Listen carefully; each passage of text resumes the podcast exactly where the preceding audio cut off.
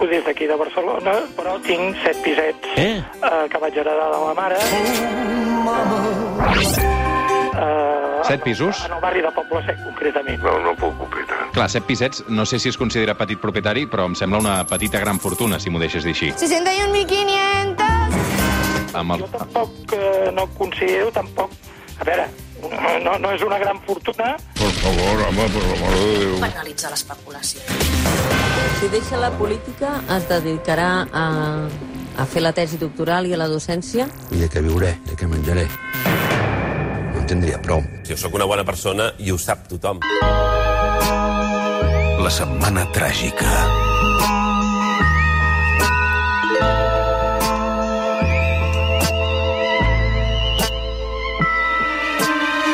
Som al suplement, som a Catalunya Ràdio, passant 6 minuts de les 10. A aquesta hora, el suplement La Setmana Tràgica, a l'estudi de Catalunya Ràdio. Toni Rodon, bon dia. Bon dia, bona hora. El Toni el coneixeu, doctor europeu en Ciències Polítiques, investigador a la London School of Economics, professor de la UPF, i a Londres, Ion Sindreu, periodista columnista al Wall Street Journal. Què tal, Ion? Bé, bé, sobrevivint. Què vol dir sobrevivint, només? Bé, no sé, es fa el que es pot, no? Carai, tu. Quins ànims, eh? Sí, a veure, aquí no, no, no, no esperem res, eh? Aquí estem només per anar passant, no?, el empenyent. tràfic, eh, el tràfic setmanal i mira, i encara hi som, eh? Ja és alguna cosa. Carai, tu. Quin, quins ànims, eh, Toni, per començar el diumenge? Molt, és, Sembla, sembles és la, una persona de, de 120 anys, Ion. És la millor manera d'encarar un diumenge, de fet. Sí, a mi sempre em diuen que vaig néixer vell. Escolta'm, Ion, tu et vas despertar per veure el debat electoral aquesta setmana del, del Trump i del Biden? No, home, no, amb la de feina que tinc només, només faltaria. Um, no, el vaig veure el, quan em vaig llevar, el, el vaig posar i, i va ser bastant espectacular, eh? Si, Sí, sí. si ens sembla que aquí a Catalunya no, el, el, el, el nivell del debat no, eh, cada vegada és més agressiu, home, allò ja és un... Déu-n'hi-do, eh? Déu-n'hi-do. O sigui, no, no, no, ningú podia parlar, eh? Bueno, sobretot Biden no podia Però, parlar. però l'últim minut, jo no sé si vas eh, prestar-hi atenció, però és deliciós eh, des d'un punt de vista, diguéssim, més, més neutral. Ara ho comentàvem amb l'Antoni Bassa. Sí, sí, digues. Però el que tenia el principal, l'home més poderós del món, eh, en principi, argumentant doncs, que les eleccions poden estar manipulades i insultant a tort i a dret, aquell minut eh, és per posar una classe i comentar-lo. Això, en els mercats se'n parla molt, eh, perquè eh, doncs hi, ha, hi ha part dels, de, de, de la gent que inverteix que té una mica la por, la por que, que tenen és que eh, hi ha un possible problema si Biden guanya, que és que Trump es negui a, a plegar no? I, i que aquí tinguem doncs, una situació eh, com es veu en alguns eh, països no? eh, segurament menys econòmicament poderosos del món, en què eh, certes eleccions generen un resultat que eh, el, el, no, el govern, el president que hi ha en el moment doncs, no, no accepta, no? i això genera doncs, un, un, un problema polític de primer ordre. Jo crec que aquestes pors són exagerades, eh? però en tot cas el fet de que hi siguin ja és prou rellevant. Aquesta qüestió l'hem anat abordant avui amb l'Antoni Bassas, ahir amb el John Carlin, eh, per tant, sobre el debat americà. Eh, és tema tancat, però sí que això també ens serveix per eh, parlar dels debats a Catalunya, per parlar també de... Eh, de quina manera l'aparença física dels candidats condicionen les eleccions i fins i tot um, si la gent guapa pot arribar a guanyar més diners o a tenir més èxit. Eh? Això és un experiment uh, sociològic i de politòleg que avui el Toni Rodon ens vol portar damunt la taula. Però és que, a més a més, parlant de debats, uh, comentant la jugada aquesta setmana, en volem recordar un de Catalunya de fa uns quants anys de mític, que sonava així. Sí, mirin, bona nit, eh, ciutadans i ciutadanes de Catalunya. Ha quedat molt clar en aquest debat que els catalans i les catalanes estem pitjor avui que fa dos anys. És el Simiri Bona nit de Pere Navarro, candidat del PSC de fa uns quants anys, eh, Eion, que Sí, quan ja portàvem que- dues hores de debat, en el minut d'or, aquell en què el candidat s'ha d'adreçar al telespectador mirant a càmera i té un minut per eh, doncs desenvolupar un argument eh, per demanar el vot, un argument que segurament ha memoritzat i s'ha preparat, aleshores Pere Navarro va decidir dirigir-se al telespectador dient Simiri, bona nit, després de dues de hores. Fet, no? De fet, de fet, no, eh, Roger? I això és el que m'ha sorprès, és d'aquells clixés, és com allò, no?, de Casablanca, no? De, és allò de Casablanca, torna a tocar Sam o de, o de Star Trek, no? Allò de a transporta'm, Scotty, que són coses que tothom pensa que es diuen a la sèrie o a la, o a la pel·lícula i no es diuen. I en aquí, fixa't que a Pere Navarro, contra el tòpic, diu sí mirin. Bona nit. Ha quedat per la història el sí, miri, bona nit, però de fet ho diu un en un plural. Pots tornar a posar el tall, Sam, sisplau? Sí, mirin, bona nit. Eh, Té raó, té Tens de raó. Tens... A veure, torna, torna, torna, torna, torna, torna. Aquest debat. A veure? Bona nit. Eh, ciut- espera. Ara sí. Ens hem perdut el Ara sí, ara sí, ara sí. Ara sí. Sí, mirin, bona nit. Eh, Sí, mirin, bona nit, tens raó, Ion. de Catalunya. Veus? Aquí eh, la història no ha estat del tot encertada, eh? No, no, no, ha- la precisió ens ha fallat, perquè jo recordo que fins i tot en el moment tothom ho va interpretar com sí, miri, bona nit, però en canvi, veus, Pere Navarro va ampliar el focus a, a tot Catalunya. Molt bé. Uh, doncs fins aquí l'aportació del Ion Sindreu avui en aquest espai, que el Miri era Ja un mirin. estic, ja cobro per això. Toni, endavant. De quina manera uh, l'aparença del candidat condiciona el resultat d'unes eleccions? Bé, això, eh, eh, l'aparença del candidat no només condiciona el resultat de les, de les eleccions, sinó que, de fet, com eh, deies abans a l'entradeta, també pot fer que la gent guanyi més o menys diners, eh? eh del qual, un tema que ara ens parlarà en Joan Sindreu. Però a nivell, a nivell polític eh, és veritat que l'aparença importa. De fet, la gran majoria d'estudis que s'han fet mostren que eh, el que s'anomena el premium de la bellesa, és a dir, que dues persones que venen el mateix producte ideològic, però una d'elles és més guapo o guapa, o considerat guapo o guapa, que l'altra, el que fa és que aquesta primera tregui més vots que, que la segona. El que passa que aquí hi ha una concepció que la gent ha d'entendre, que és que no és que la gent, tots som uns pertorbats i pensem doncs, que el candidat o candidat ha de ser guapo per, per governar. No, sinó que el fet que sigui guapo o guapa el que ens provoca és, eh, de forma indirecta, entendre que aquella persona és més competent hm? i que, ho sap, que sabrà governar millor. Uh, en general, per a una gran majoria de la gent, això és un estereotip que el tenim inculcat uh, dins nostre, sigui cert o no. I, el, i, i això acaba fent doncs, que aquesta gent, considera, considerada doncs, amb més bellesa, acabi tenint uns resultats electorals uh, una mica uh, més elevats. Evidentment, això no és el factor més important uh, ni és l'únic que importa, però sí que en els marges doncs, pot arribar a afectar una miqueta.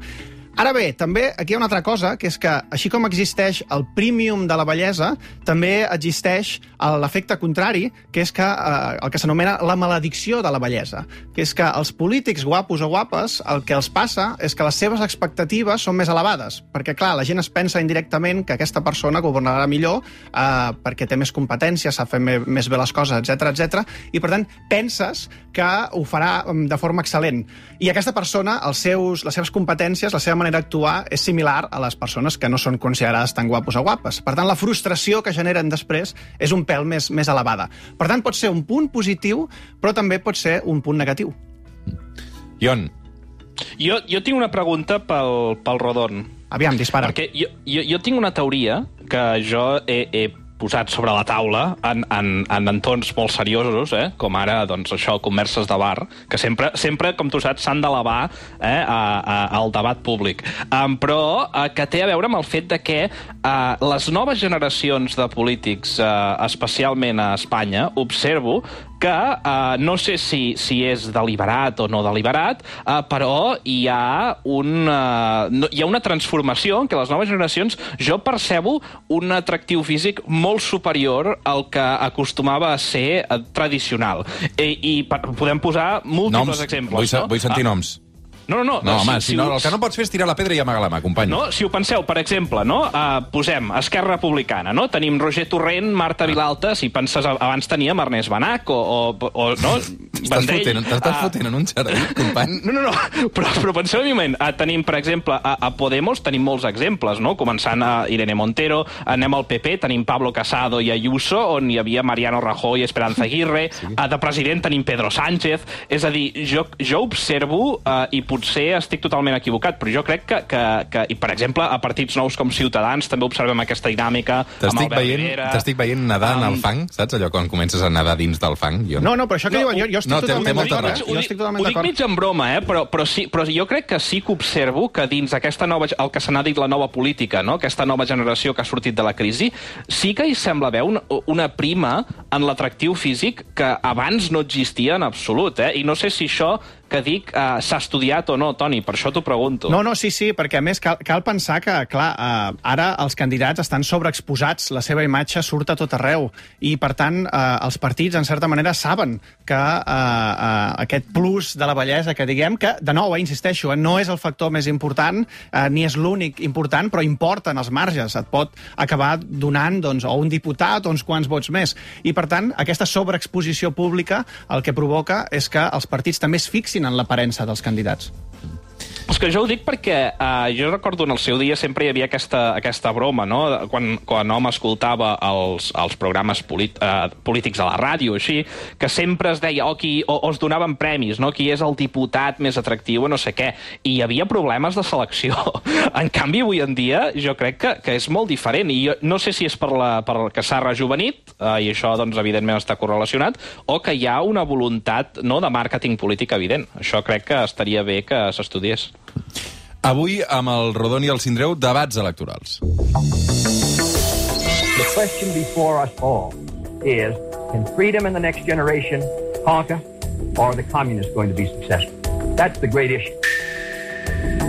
Aquest és Kennedy 1960 contra Nixon, no, uh, Rodon? Efectivament, sí. El que Aquí també sobre aparença física es van comentar moltes coses, perquè uh, crec que Nixon suava molt i va guanyar el debat a la ràdio, en canvi Kennedy va guanyar el debat a la tele perquè precisament l'aparença física era molt millor, no? Efectivament, de fet, uh, aquí és que... Uns, uh, però hi ha un tòpic, uh, deixeu-me el desmentir, es considera com un dels primers debats televisats de la història i no és precisament el primer. De fet, quatre anys uh, abans, o uns quants anys abans, perdó, el primer debat va ser uh, de dones. Uh, uh, la, la dona presidencial, Eleanor Roosevelt, i la, i la, la seva, diguéssim, uh, contrincant uh, republicana, uh, que van tenir un debat televisat uh, que va tenir menys èxit, entre cometes, però es considera com, com el primer. El que passa que el famós, diguéssim, és el de Nixon i, i Roosevelt. I, efectivament, aquí el mite que ha sobreviscut al llarg del temps és que el debat entre Nixon i Roosevelt, um, i, Kennedy, i Kennedy, no? perdó, Kennedy, entre Nixon sí, i Kennedy, el que va provocar és doncs, que Kennedy guanyés les eleccions perquè va aconseguir presentar aquesta imatge de presidencial, no va suar, estava molt tranquil, i és veritat que encara que estigui en blanc i negre, tu mires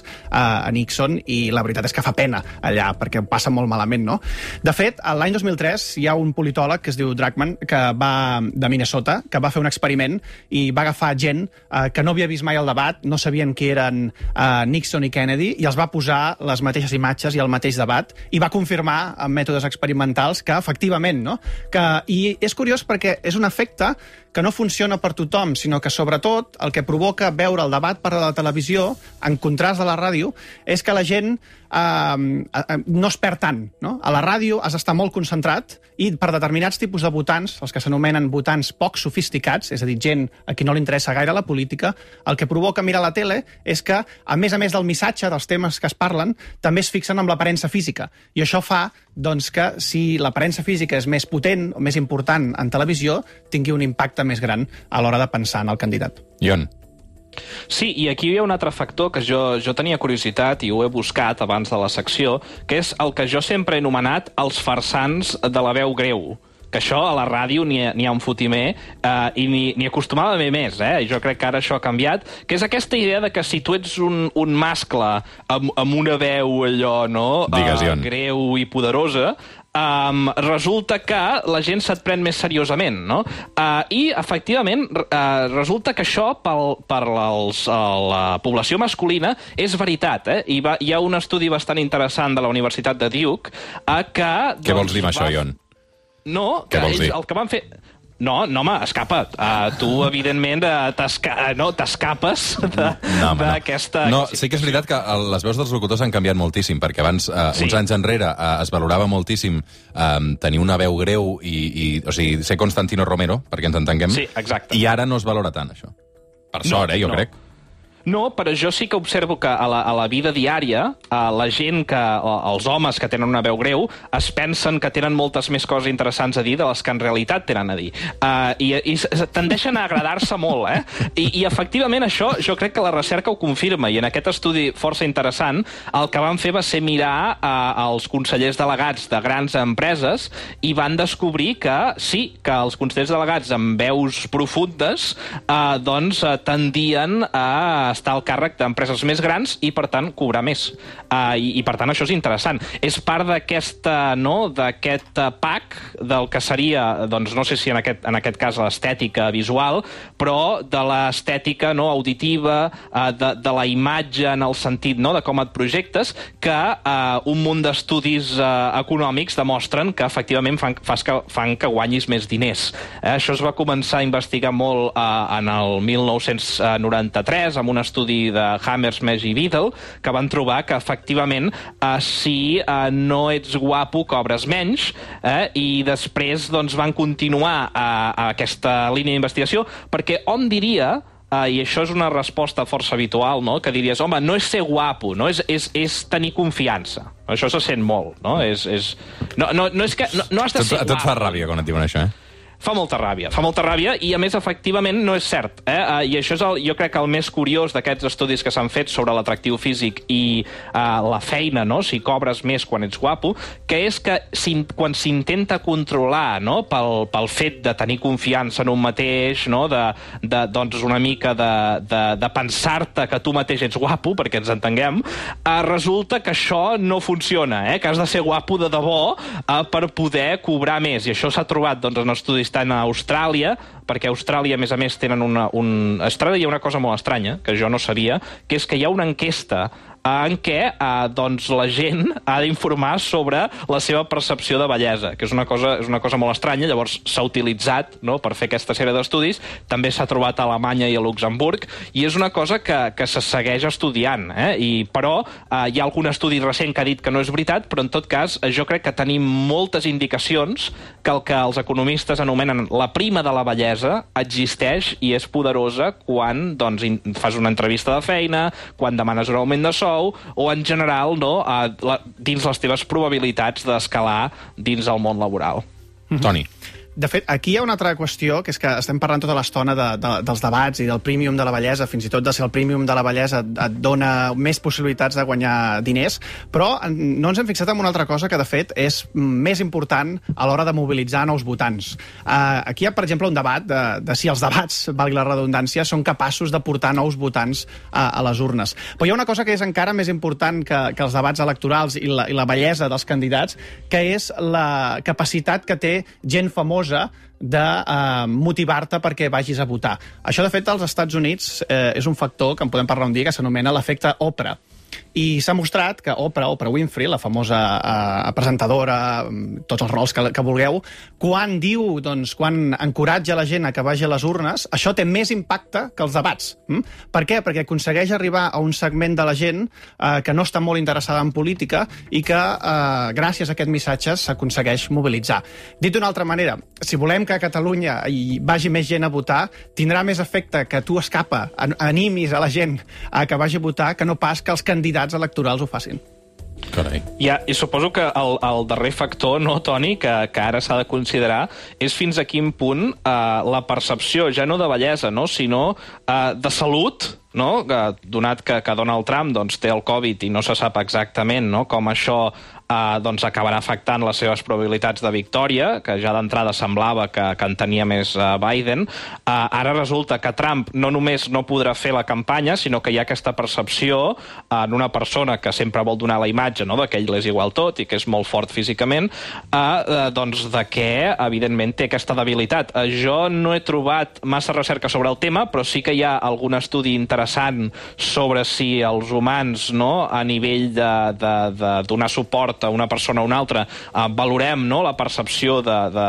Per exemple, no, eh, hi va una sèrie de, de psicòlegs i biòlegs que ho van fer a través de... Eh, doncs van agafar moviments de gent més saludable i menys saludable, els van transformar com en un ninot, no, i ho van, i ho van presentar eh, doncs, en l'estudi perquè la gent escollís entre un i altre, i sí que sembla que afecta eh, la percepció eh, de que una persona doncs, no té una bona salut, sembla que instintivament ens fa votar-lo menys. Mm. És una gran pregunta. 6 minuts per arribar a dos quarts d'onze del matí. Uh, em sap greu perquè el tema dona per molt, però és que ho he de deixar aquí perquè he de fer una petita pausa i hem d'emetre una entrevista amb Juan Carlos Unzué, uh, l'exentrenador del Barça, també del Girona, també del Celta. Uh, en aquest cas, uh, fa uns mesos va publicar que tenia L Avui eh, parlarem amb ell sobre aquesta malaltia per fer-la visible, però també sobre com afronta eh, la vida després de- d'un cop com aquest, una malaltia que, per cert, no té cura.